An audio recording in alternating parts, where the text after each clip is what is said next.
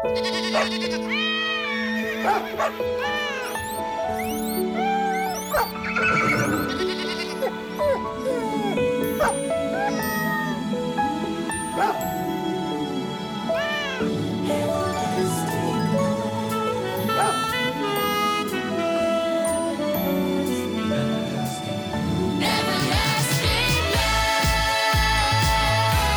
Hej och välkommen till min podd, hundcoachen Fredrik Sten.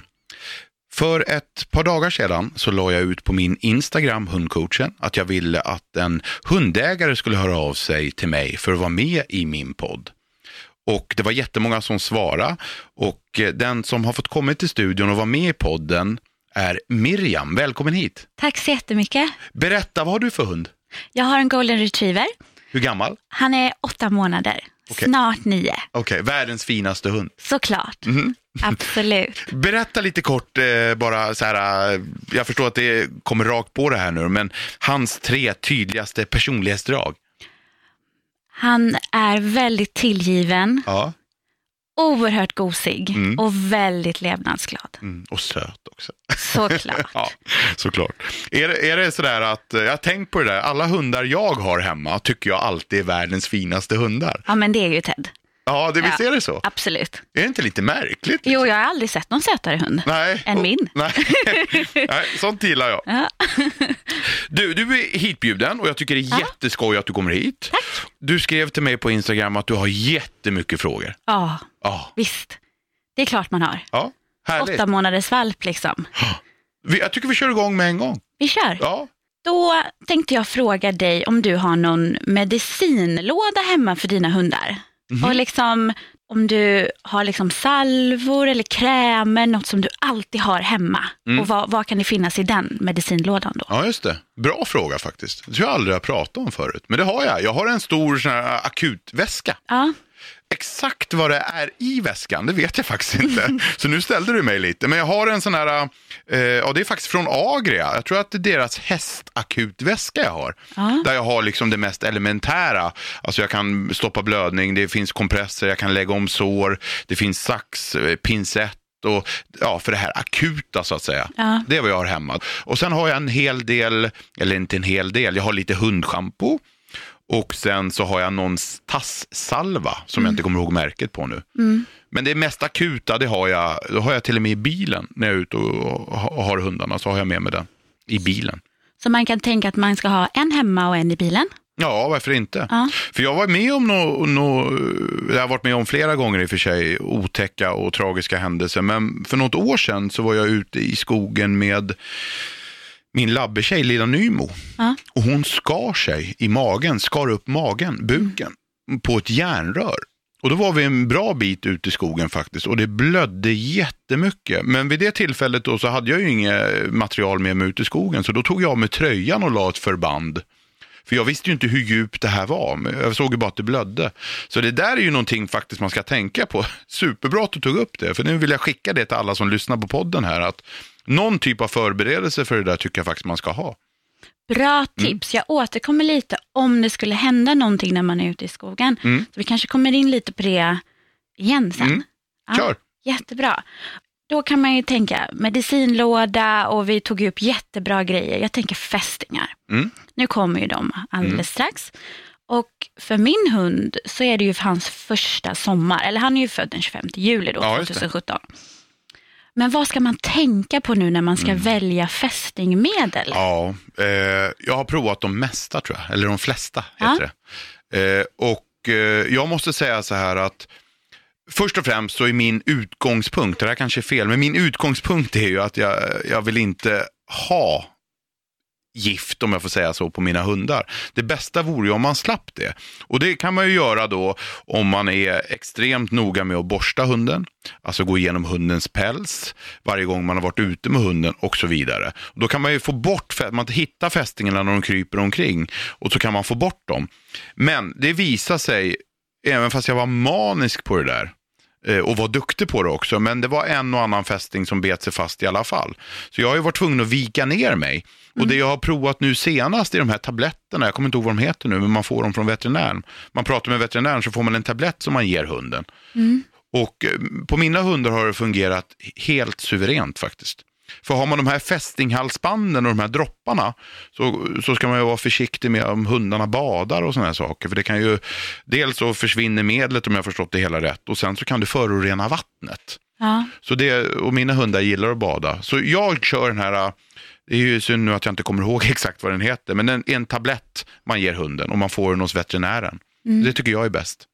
Och på sommarhalvåret då, eller när det är som mest fästingar ute, brukar Mm. du känna över dina hundar varje dag, Ja, varje runda, eller har du någon rutin för? Ja, varje gång jag kommer hem med hunden från Ja. promenaden. Jag är lite manisk där. Jag gillar att borsta hundarna och sådär. Så jag, jag gör det ganska ofta faktiskt. Eh, Så det kan jag nog påstå att efter varje promenad i skog och mark, då känner jag över hundarna. Problemet är bara att de är ju så himla små de där, så man kan ju missa någon ändå. Mm. Och här får jag nog, eh, vad ska jag säga, det jag har sagt och sen vill jag nog säga så här, råd, gör med din veterinär faktiskt. Jättebra. Kör vi nästa. Ja. Eh, badsäsong. Mm. Goldens, de är ju kända för att älska vatten. Mm. Och nu har ju Ted aldrig simmat eller ens badat i varken sjö eller hav. Mm. Och är det någonting då som jag som hundägare ska tänka på när han introduceras nu för badsäsongen? Ja, ja, lite grann kanske. Man kan väl säga så här då, till att börja med så kommer han säkert, sannolikt, eh, vara lite orolig för vatten. Han kommer stå där med tassarna, eh, med vatten upp till tassarna och så vill han inte bada. Och det man skulle kunna göra då, så gör jag med mina hundar i alla fall, då, då går jag själv ut i vattnet till knähöjd och så bär jag med mig valpen. Och så är jag med och så släpper jag ner valpen, då simmar valpen in igen. Så att man liksom introducerar på det sättet.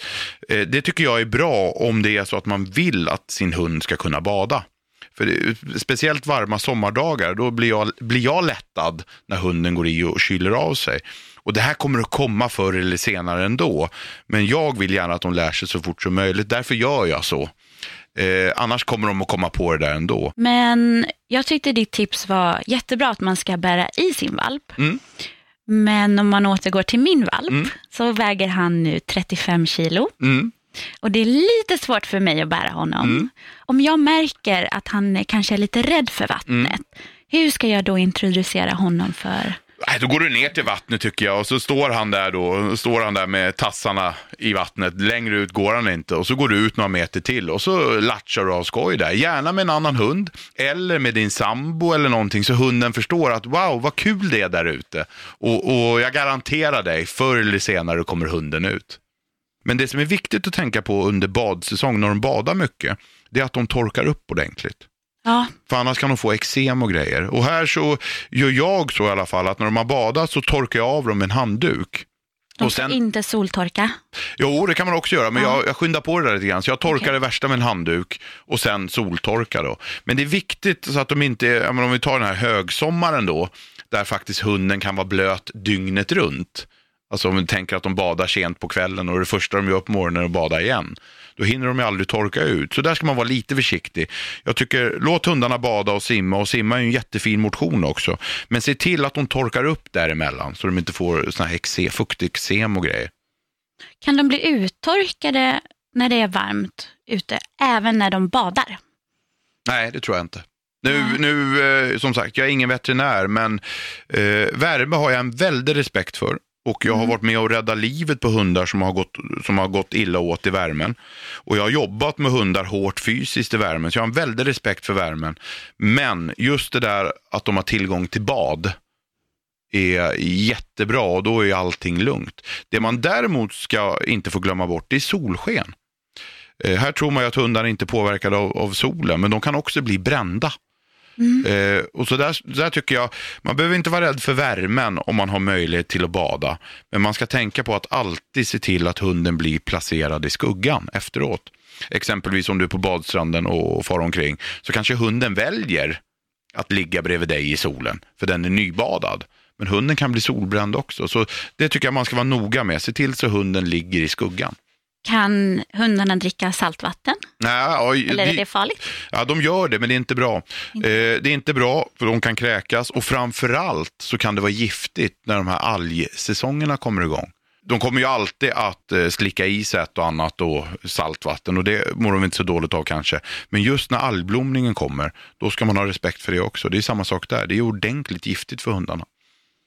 Och jag personligen undviker faktiskt saltvatten. Om, I den mån det går. Utan jag föredrar att hitta en sjö de får bada i. Då. Om en hund skulle få eksem, hur får man bukt med det? Ja, nu är jag ingen expert som sagt. på- Det är bra fråga det här, men jag är ingen veterinär. Men det jag gör i sådana fall, det, jag söker upp en veterinär. Men då rakar man och ser till så du torkar upp och så vidare. Men jag skulle vilja svara på frågan att agera innan istället. För det är mitt område så att säga. Och det är just det där vi pratade om innan. Att vara noga med att hunden torkar mellan baden. Många gånger kommer de här fukteksemena enligt min erfarenhet när just när de badar mycket dygnet runt. Så det är viktigt. Torka, se till så hundarna torkar. I värsta fall får man väl ta en hårfön då. Ja, och jag tänker även på varm asfalt Ja. Eh, och även sanden kan ju också bli väldigt, väldigt varm. Och just asfalt, det är bra att du tar upp det också. Det är ju en, en riktigt farlig grej på så sätt att varm asfalt kan skada hundarnas tramtyner. Och det, på vissa hundar så skadas tramtynerna betydligt snabbare än vad man tror. Jag har varit med om hundar som klarar att röra sig ett par, tre kilometer på varm asfalt. Men jag har också varit med om hundar vars tramtyner har förstörts och blivit ordentligt skadande bara efter några hundra meter. Så varm asfalt är ju en sån här, i min värld i alla fall, big no-no för mina hundar. Och är jag ute och går då, säger vi, ute och promenerar med mina hundar när det är så här stekhett och det är asfalt, då ser jag till så mina hundar går i diket. Jag har en väldig respekt för asfalt. För det är också så att när tramtynerna går sönder på en hund, för det första gör det fruktansvärt ont på hunden. Och sen tar det jättelång tid för det att läka. Det är inte alls roligt det där. Så ha stor respekt för asfalten tycker jag. Ja, jättebra. Då fortsätter vi lite på det här sommartemat. Mm. Nu när det blir väldigt varmt och i och med att Ted blir äldre Mm. så ökar ju även hans aktiveringsbehov i form av både fysisk och mental träning. Ja. Skulle du rekommendera att vi går ut en lite längre rundan på morgonen eller på kvällen? Mm. Eh, för att då tänker jag på de här riktigt varma Mm. sommardagarna när man inte bör gå ut när det är som allra, allra varmast Mm. liksom mitt på dagen. Jag tycker du tänker helt rätt här. Eh, utan tvekan, helt rätt. Undvik värmen. Och jag säger igen, nu låter jag lite tjata här. Sommarvärmen, den är farlig.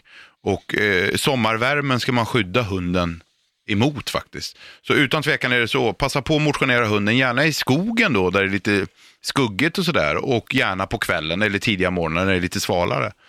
Eh, utan tvekan är det så. Undvik och röra på hunden när det är som varmast. Har du något tips på hur de ska få i sig vätska? Ja, ja det, dels så är det ju så här att lite beroende på vad man ger hunden för foder då, men eh, jag ser ju till att det hundfoder jag ger mina hundar är ordentligt upplött. Och när det är ordentligt upplött så blöter jag det ännu mer, så att säga, så jag är säker på att de får i det. Sen så brukar jag ta, eh, det finns ett, ett hundgodis som är ett frystorkat kött. Och när jag ger mina hundar vatten, sommartid då framförallt, och de inte kanske vill dricka, då tar jag en sån här godisbit och smular ner i vattnet.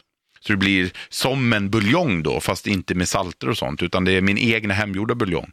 Och då brukar hundarna dricka. Och, och där är jag lite noga. Sen kan man göra en rolig grej av det också, att man under en tid har en vattenflaska som man lär hunden att dricka ur. Det tycker hundarna är rätt spännande och man kan spruta lite vatten på dem också, alltså som en lek då. Och då brukar de bli ganska engagerade i den här vattenflaskan och det, då dricker de av bara farten också. Så det tycker jag är ett bra tips. Min svärmor och min svärfar, Mm. de har en liten dandy som är fem år, som heter Isak. Mm. Och de gav oss ett väldigt bra tips, alltså mig och min sambo Ludvig. Och det är att de fryser in lite godis i en isbit. Ja, just det. Och då får man ju givetvis kanske anpassa den här isbiten då till hundens storlek så Mm. att de inte sätter i halsen eller sådär. Men tycker du att det är ett bra tips? Ja, absolut. Ja. Allting som kyler ner hundarna är jättebra. Ja. Mm. För Ted tycker att det är jätteroligt och mycket spännande med den här isbiten. Mm. Så han gör det lite till en lek också. Så det är en lite som en liten aktivering en stund Det är där. perfekt. Ja. Mm. Kalas.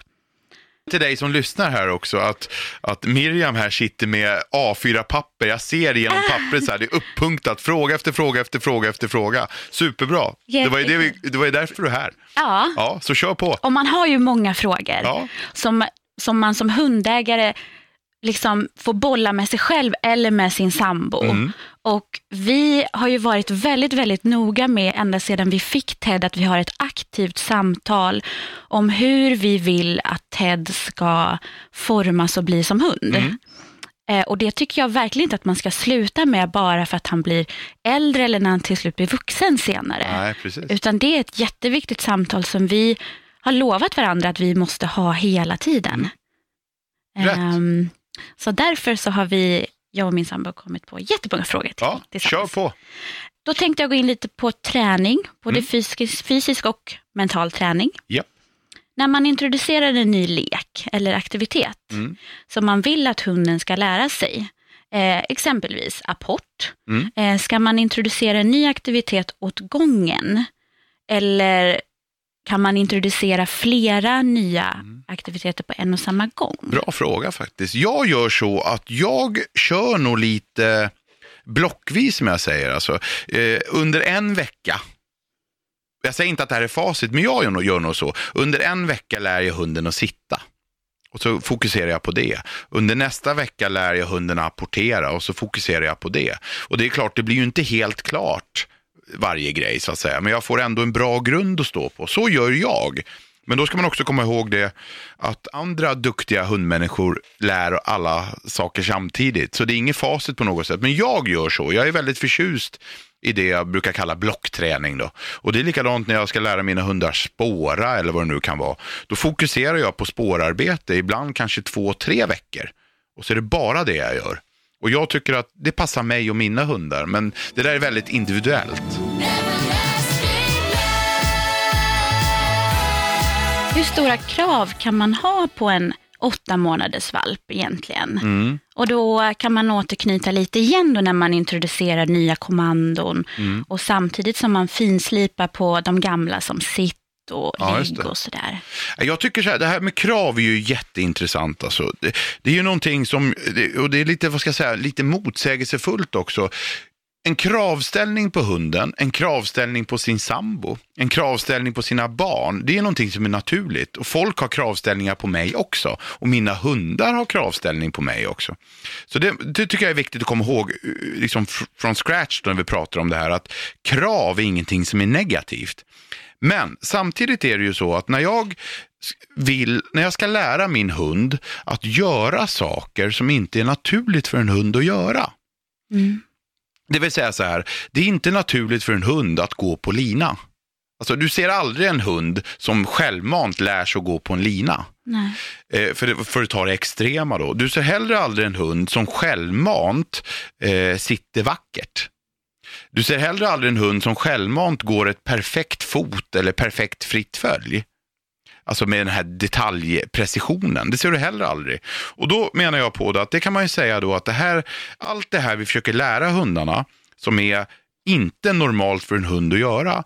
Där måste vi, för att nå framgång, och för att vara bra och snäll mot våra hundar, endast jobba med att belöna rätt beteende. Det vill säga, där, där finns det nästan inget krav.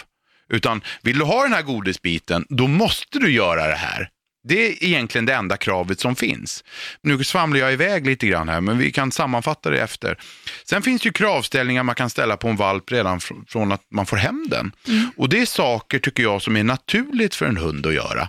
Och för att vara övertydlig där då kan man säga så här, det är naturligt att min hund inte biter grannen Mm att min hund inte biter grannen. Det är naturligt. Det, skulle, det innebär alltså om min hund vill ge sig på grannen, då kan jag faktiskt säga ifrån. Nej, det där får du inte göra. Och där kommer man in med en kravställning. Och sånt behöver man inte vänta på någon ålder eller vad det nu kan vara. Alltså din frågeställning här om krav, det, det, är, det är inte helt enkelt att svara på även fast det är helt klart i mitt huvud. För att förenkla det, eller försöka förenkla det.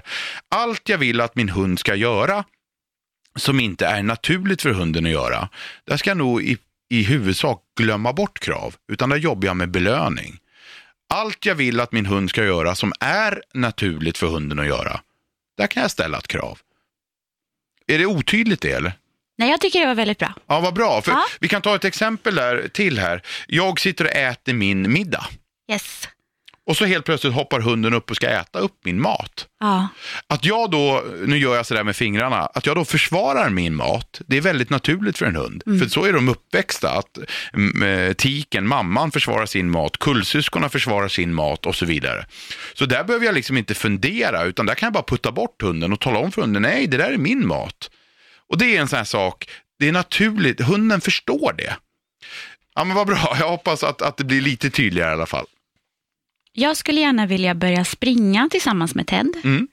Eh, vad ska man ha i åtanke när man börjar den typen av aktivitet Mm. och i vilken ålder bör Ted vara Mm. när jag ska börja med detta? Mm. Ja, vi börjar med åldern då. Vi börjar bakifrån. Ja. Om vi börjar med åldern på hunden så kan man väl säga så här, han var åtta månader nu va? Ja, Mm. strax snart nio. Mm. Och då är frågan så här, när du säger ut och springa, du springer inte maraton då? Nej, Alltså fyra mil eller någonting i den stilen. nej, det kan man väl inte börja med direkt tänker Nej, jag. nej. Man får väl bygga upp hans kondition. Precis, men om man pratar då en åtta månaders hund som eh, i joggingtempo ska springa med dig några kilometer. Ja. Det tycker jag du kan börja med redan nu. Även fast det är en valp. För eh, en val, även en valp behöver röra på sig. Och det är inte så, vad ska jag säga, tung motion. Så att, jag menar, orkar du springa så orkar åtta månaders golden retriever springa. Så enkelt är det. Så där kan man börja springa och så kan man väl tänka på redan nu då att de löprunder du tar när hunden är med kan ju vara lite kortare. Men så att man lär in ett mönster då helt enkelt. Och sen då när hunden har passerat 12, 13, 14 månader, ja men då kan hunden följa med fullt ut när du hårdkör också. Eh, sen kan man tänka på, tycker jag, och det är viktigt för jag löptränar också ibland med mina hundar och det är det att när jag börjar springa så vill jag ju att mina hundar ska springa och inte springa och nosa eller någonting i den stilen utan de ska ju veta att nu är vi ute och motionerar. Och då kan man bara tänka på, jag gör det i alla fall, att jag är ganska tydlig där innan. Innan jag börjar springa så rastar jag hundarna ordentligt. Mycket bra. Ja, och så gör jag en ganska tydlig start, liksom, hur den nu ser ut. Men för mig, då kopplar om lite grann och så nästan knyter skorna, visar hunden, nej, nu kör vi liksom. Mycket bra säger jag, som att det är jag som är Ja, ja, är experten. Men ja, Jag tycker det är viktigt, för, tips. för det är ju så här att hunden och jag, vi ska ju eh, göra saker tillsammans och njuta av varandra. Och då, då, då kommer vi in lite grann på krav här också. Är du avrastad redan, du har kissat, du har bajsat, du har luktat av dig en stund, ja men då får du hålla dig i de här 20 minuterna när vi är ute och joggar. jag vill bara understryka det också att jag tror faktiskt att Ted har bättre kondition än vad jag har i nuläget. Ja, ofta att, är det så. Ja. Och jag kan säga det också då när det gäller valpar, jag vill vara, understryka det, även fast det inte var det du frågade om. När det gäller valpar så behöver man aldrig tänka motion. Nej. Eh, tvärtom, man ska helt glömma det. Däremot så ska man inte blanda ihop det, att inte motionera med att en valp inte behöver röra sig. Eh, så att en, en valp, nästan hur ung den än är, kan alltid vara med så länge man inte pressar den. Och när man har byggt upp en hunds kondition, Mm. hur långt, eh, och nu tänker jag ju utifrån en golden retriever som Mm. jag har då, hur långt kan han springa? Ja, han kan garanterat följa med dig på ett maraton i alla fall. Ja, Om underlaget. Maraton kanske ofta går på asfalt då och då är det inget bra. Men vi säger nu, alltså, eh, jag kan garantera om du inte, ja, det spelar nästan ingen roll om du är olympisk löpare, alltså hunden hänger på. otroligt. Ja, det är det. Jag har en, en, en vän som eh, är till fjälls här nu och de förflyttar sig fem och en halv mil på några timmar. För han åkte skidor och det var inga problem för hunden. Det är rätt imponerande faktiskt. Det är det verkligen. Ted har en jättebra sele Mm. och på den selen så kan man sätta på små väskor. Mm. Nu har inte vi köpt några väskor, men vi funderar på att göra det för att han ska få bära saker. Mm. Är det en bra eh, aktivitet eller träning för Ja, honom? absolut. Dock så tycker jag inte du ska göra det förrän han växt klart. Nej. För där ser man nämligen en, en tydlig, att en, att en ung hund eller en valp ung hund ska röra på sig, eh, kan till och med gå i trappor, springa i skogen, hoppa över stock och sten, alltså att den rör på sig fritt. Där ser man bara positiva eh, det är bara positivt för valpen och unghunden. Däremot extra vikt Och då pratar man i huvudsak övervikt, alltså en hund som är för tjock. Det är väldigt negativt för hundens skelett. Och därför skulle jag lugna mig med att du har de här klövjeväskorna på hunden tomma. Det är bra, för då lär sig hunden. Men väntar du tills han har blivit en 12-14 månader innan du börjar belasta, det, det tycker jag i alla fall. Mm. Jättebra. Så han ska i alla fall vara över året. Ja, det tycker med jag. råge nästan Mm, egentligen. det tycker jag. Där ska man vara, just belasta hunden med vikter. Mm. Där, eh, jag har ganska stor respekt för det och där, där, där vill jag nog påstå att hunden ska vara färdigväxt först. När han är färdigväxt, tror du att det är någonting som är bra för hans mentala träning också? Ja, det, alla utmaningar kan man ju säga för en Mm. hund är ju bra för, för hundens mentala utveckling. Alla utmaningar som kanske är besvärligt på något sätt eller lite problematiskt på något sätt och så kommer man över det tillsammans med sin hund. Allt sånt stärker ju hunden. Jag har lite frågor om sömn. Mm. Hur mycket behöver en åtta månaders valp sova? Ganska mycket. Mer än vad man tror. Mm. Nu har jag inte exakta siffror på det, men jag för mig att man pratar någonstans mellan 14 och 17 timmar per dygn. Mm. Så det är ganska mycket om man jämför med oss. När andra personer, och då tänker jag okända personer som Mm. jag inte känner, lockar på min hund. Mm. Hur ska jag agera mot Ted då? Ska jag ignorera det?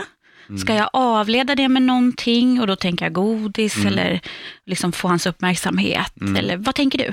Ja, det är också en jättebra fråga faktiskt. Eh, För det första så är jag ju, jag blir arg när någon gör så med mina hundar.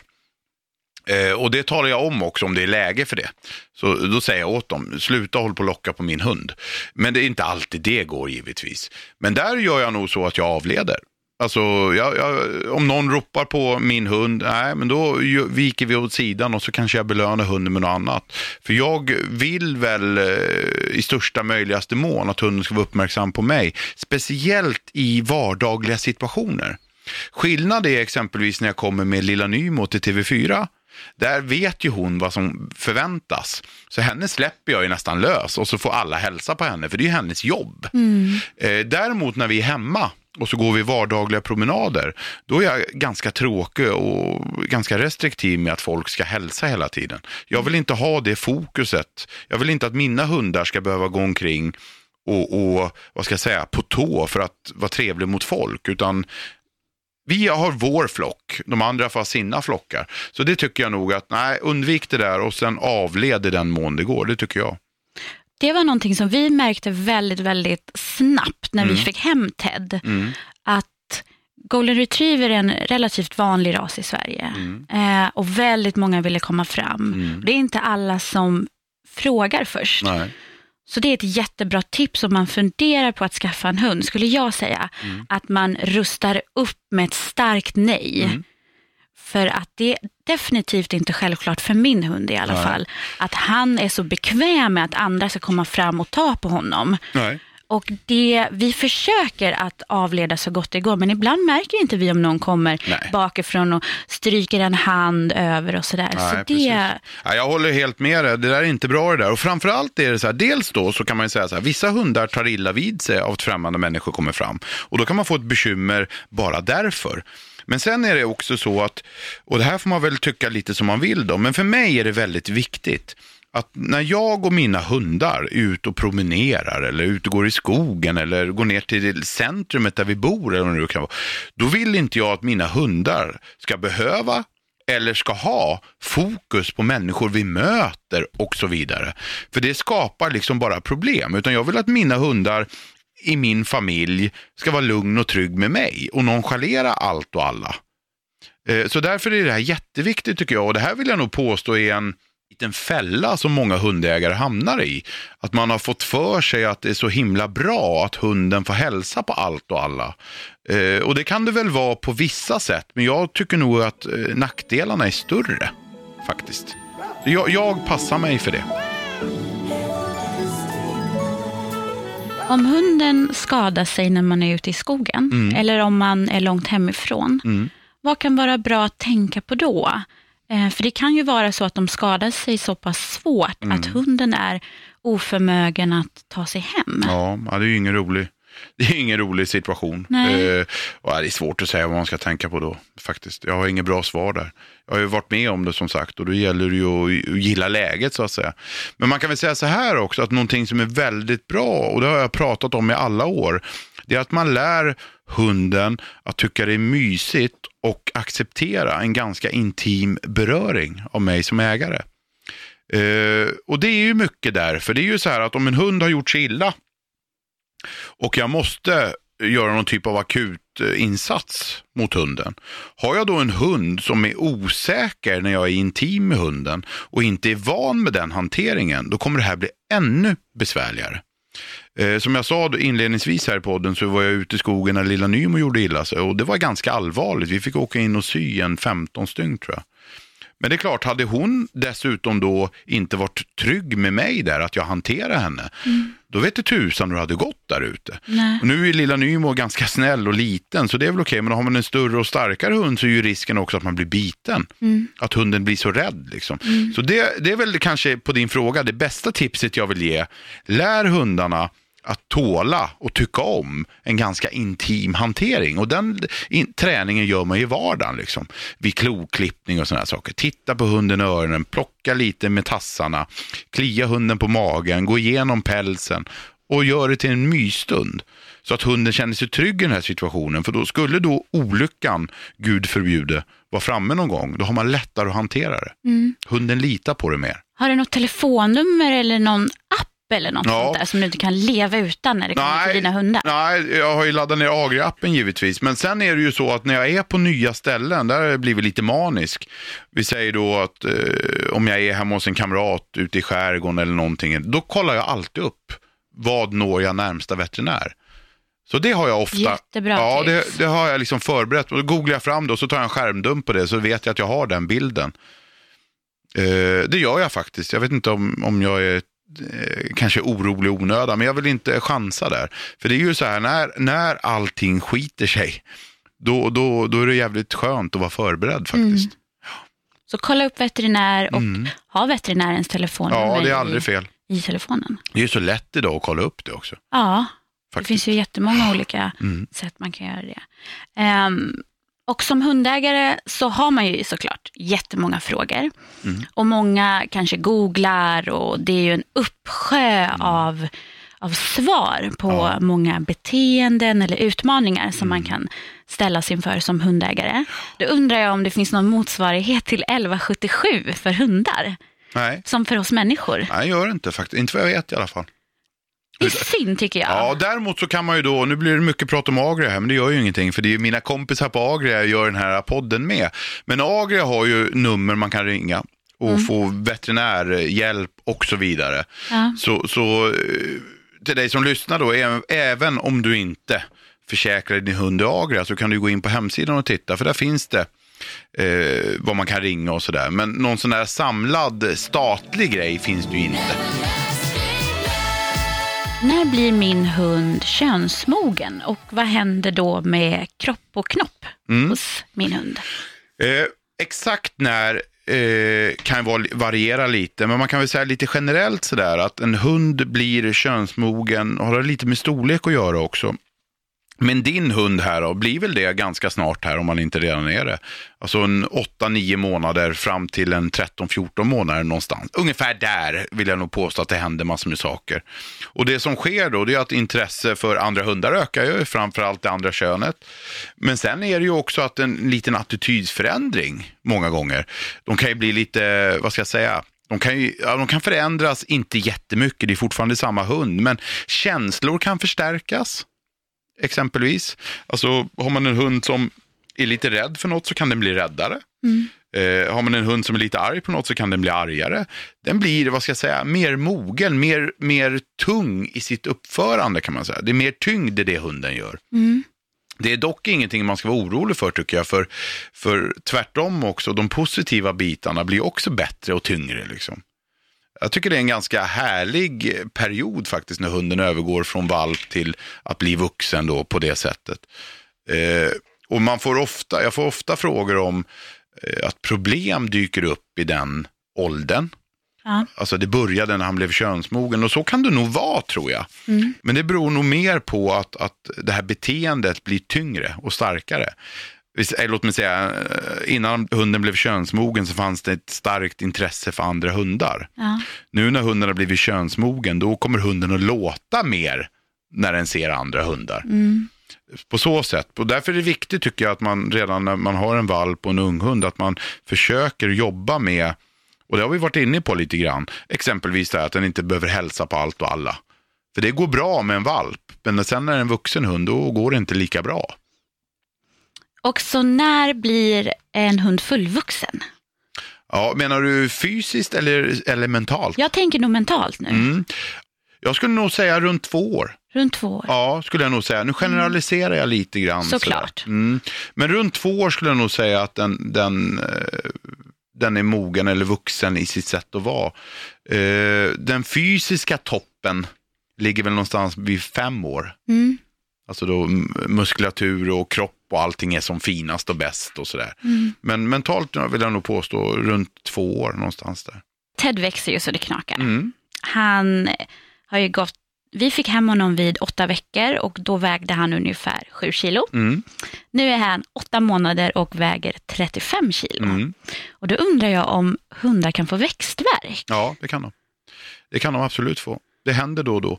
Eh, speciellt när de växer mycket och så här, precis som vi människor kan få växtverk. Mina barn har haft det bland annat. Eh, och det som är viktigt att tänka på här, och det kan inte understrykas nog faktiskt, och det är att man måste hålla hunden mager. Och då menar jag inte för mager, men alltså den ska vara bra i form. Eh, vi pratade om det alldeles nyss, här, eller jag pratade om det alldeles nyss, men jag säger det igen.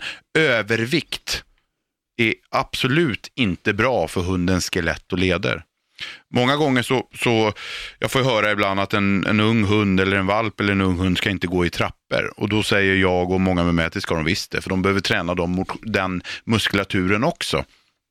Och det finns inget som bevisar att det skulle vara farligt. Eh, snarare tvärtom. Däremot det som är bevisat, det som kan ge eh, problem med höftleder och armbågar och, och skelett och så vidare, det är övervikt. Så det ska man verkligen tänka på. Och väldigt många hundar i vårt land är överviktiga, tyvärr. Mm. Har hundar en uppfattning om tid? Ja, det vill jag nog påstå att de har. Ja. Eh, man, man hävdar ju att de inte har det, men det beror ju många gånger på att de kan ju inte förmedla det. Liksom. Nej. Men det vill jag nog påstå att de har. Ja. Jag tror att det finns forskning på det också, men det ska jag låta vara osagt. Men det vill jag nog, det vill jag nog säga att de har. Om man lämnar sin hund ensam hemma, Mm. Ehm, och då tänker jag då i relation till tid. Mm. Märker hunden om han eller hon är ensam hemma i en timma eller i tre timmar till exempel? Vad, vad tror du? Ja, det tror jag. Ja. Det är jag ganska övertygad om, Mm. vill jag nog påstå.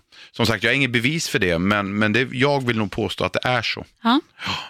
Sen har ju hundarna en fantastisk förmåga att slappna av. Och vi, jag sa ju det innan också, så hundar sover ju väldigt mycket och behöver sova väldigt mycket. Och har man då en hund som, som eh, mår bra och är lugn och säker så är det inga problem för en hund. Och, ja, men vad bra, husse eller matte är inte hemma, så jag slappar i tre timmar.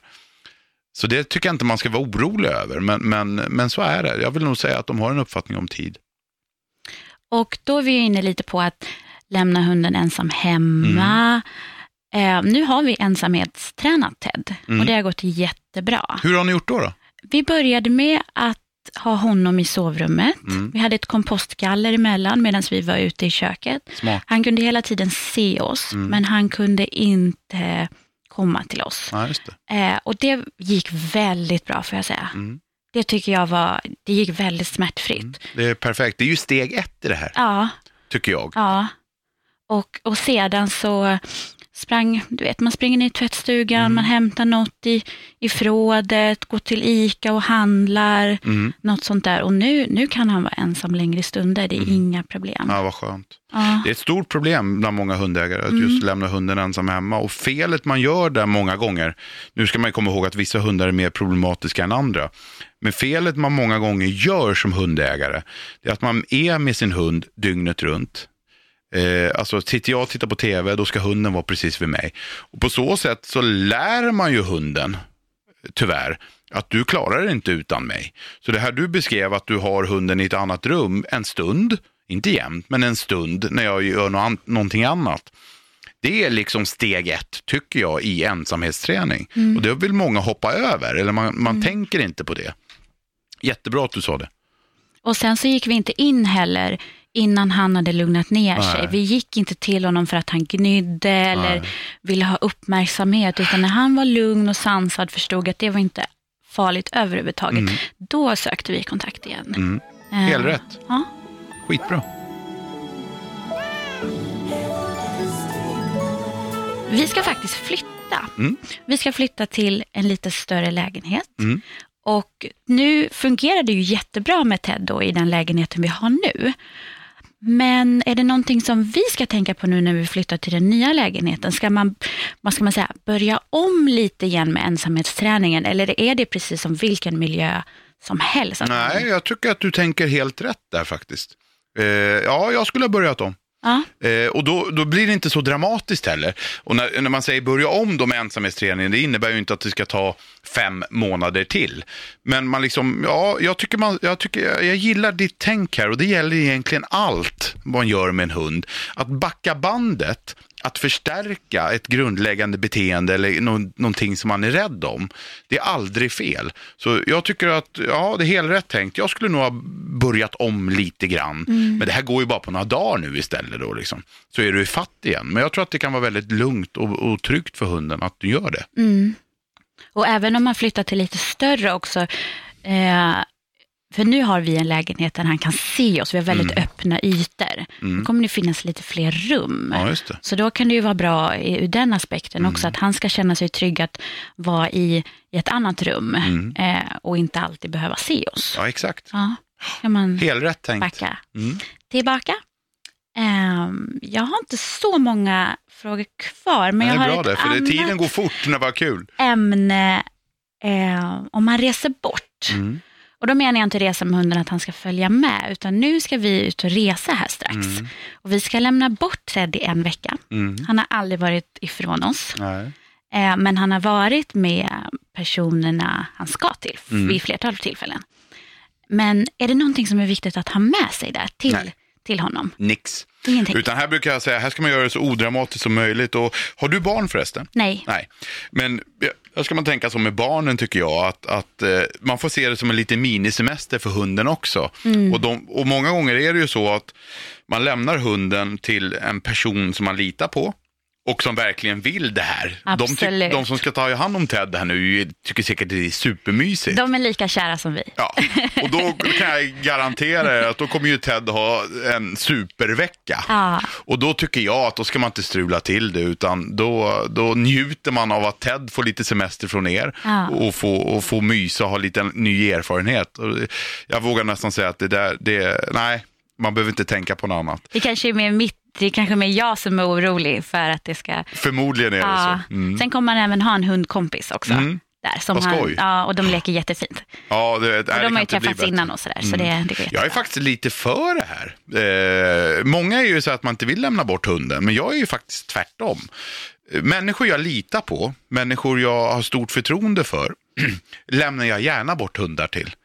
Eh, och jag lånar ut hundar då och då till vänner och bekanta, för jag tror att det är en jättefin erfarenhet för hundarna. Alltså det blir ju en, de blir en erfarenhet rikare, precis som när vi åker utomlands. Ja. Så kommer, får vi erfarenhet och kommer hem och, och har, eh, vad ska jag säga, byggt på vår kunskapsbank så att säga. Och jag tror att det är väldigt viktigt för hundar också. Så även när vi bara är hemma en hel vardag, skulle han kunna sova över hos en kompis då? Ja, det är absolut. Och där märker man ju, man märker ju också på hunden, för det finns ju hundar, jag har ju haft några sådana också, som hatar alla andra men inte mig. Och en sån hund njuter ju inte av att lämnas bort. Nej. Men om lilla Nymo exempelvis får vara hemma hos en god vän till mig och få mysa i soffan och, och vara nummer ett, ett, ett, ett dygn, så vet jag att hon tycker det är supermysigt ju. Och jag ser ju på hela hunden när hon kommer hem igen att det här var en kanon, ett kanondygn. Kul. Och sån erfarenhet vill jag påstå, det är bra för hundarna. Ja, och det ska jag verkligen ta till mig för att jag kan tycka det är väldigt svårt att lämna bort honom. Mm. Jag tycker det är jättetufft och det är en utmaning för mig. Mm. Men för, bara för att det är en utmaning för mig så ska inte det behöva gå ut över Ted för Nej, han tycker precis. verkligen om alla människor han möter. Men å andra sidan är det ju så att jag lämnar aldrig bort mina hundar till någon jag inte känner väldigt, väldigt väl å andra sidan. Såklart inte. Nej, och för där skulle jag nog ha lite eh, betänkligheter då. Ja, Men utan, jag utgår ifrån nu att det är goda vänner och människor jag litar på så att säga. absolut. Det är ju knappt så att min sambo får vara ensam. Nej, nej, jag skojar bara. Ehm, jag har bara en sista fråga. Bra! Eh, om Ted skulle träffa sina kullsyskon nu, Ja. skulle han känna igen dem? ja, jag tror det. Du tror det? Sen tror jag kanske inte att de känner igen dem ungefär som om du och jag skulle känna igen varandra om vi var syskon. Nej. Men jag tror att det är förnimmelse, eller vad säger man? Jag tror att det är en doft. För det kan man ofta se på hundar som träffar varandra efter en stund. Att de blir lite ny, extra nyfikna i doften. Och, alltså på så sätt tror jag det finns en igenkänning. Eh, om det har gjorts någon forskning på det här är jag lite osäker på faktiskt. Men om jag bara pratar från min egen erfarenhet då. Så är jag ganska säker på att någon typ av igenkänning finns det. Fint. Ja, visst är det? Känna igen Spännande. sina syskon. Ja, Ja. på något sätt. Jag, jag skulle tro att det är doften. Jag hade en hund, eh, vi ska alldeles strax avsluta här, men jag kan berätta det. Jag hade en hund som jag tävlade på väldigt hög nivå med för många herrans år sedan. Han användes väldigt mycket i aveln och vart eh, placerad nere i Tyskland då, på avelsstation. Jag lämnade dit honom för att, för att tyska individer, hundar i Europa, skulle få para med honom. Ja. Och då var han borta från mig i fyra månader. Och jag hade det så tungt och jag visste att hunden hade det bra och sådär, men jag tyckte det var jobbigt. Sen skulle jag åka ner och hämta honom fyra månader senare för att hämta hem honom igen. Och då när jag kommer ut och möts av hunden så går han fram till mig och så luktar han på mig jätteintensivt. Det här var bara fyra månader. Sen började han morra och sen började svansen gå och så gick han runt mig och han visade ett beteende jag aldrig hade sett hos en hund förut.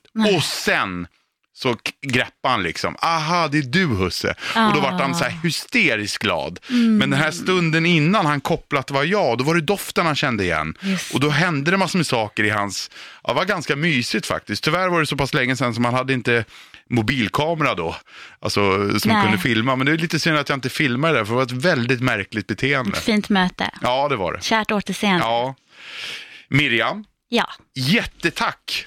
Tack själv. Tack för att jag fick komma hit. Ja, och du, och du fick svar på alla frågor du hade skrivit upp. Ja, det fick Ja, jag. världsklass. Verkligen bra svar också tycker jag. Härligt. Ja. Ja, jätteskoj. Det här kanske vi gör om längre fram. Du var ju så förberedd ju. Ja, mm. Och så ska jag passa på att säga då, förutom att jag ska säga tack till Miriam för att hon medverkade här, så ska jag också säga att den här podden gör jag tillsammans med mina kompisar på Agria djurförsäkringar. Och sen då påminna om att glöm inte att prenumerera på podden så att du inte missar några avsnitt. Och sen givetvis, läs min blogg. Jag bloggar inte om vad jag har för kläder på mig, utan jag bloggar om hundar. Och min Instagram, hundcoachen. Stort tack!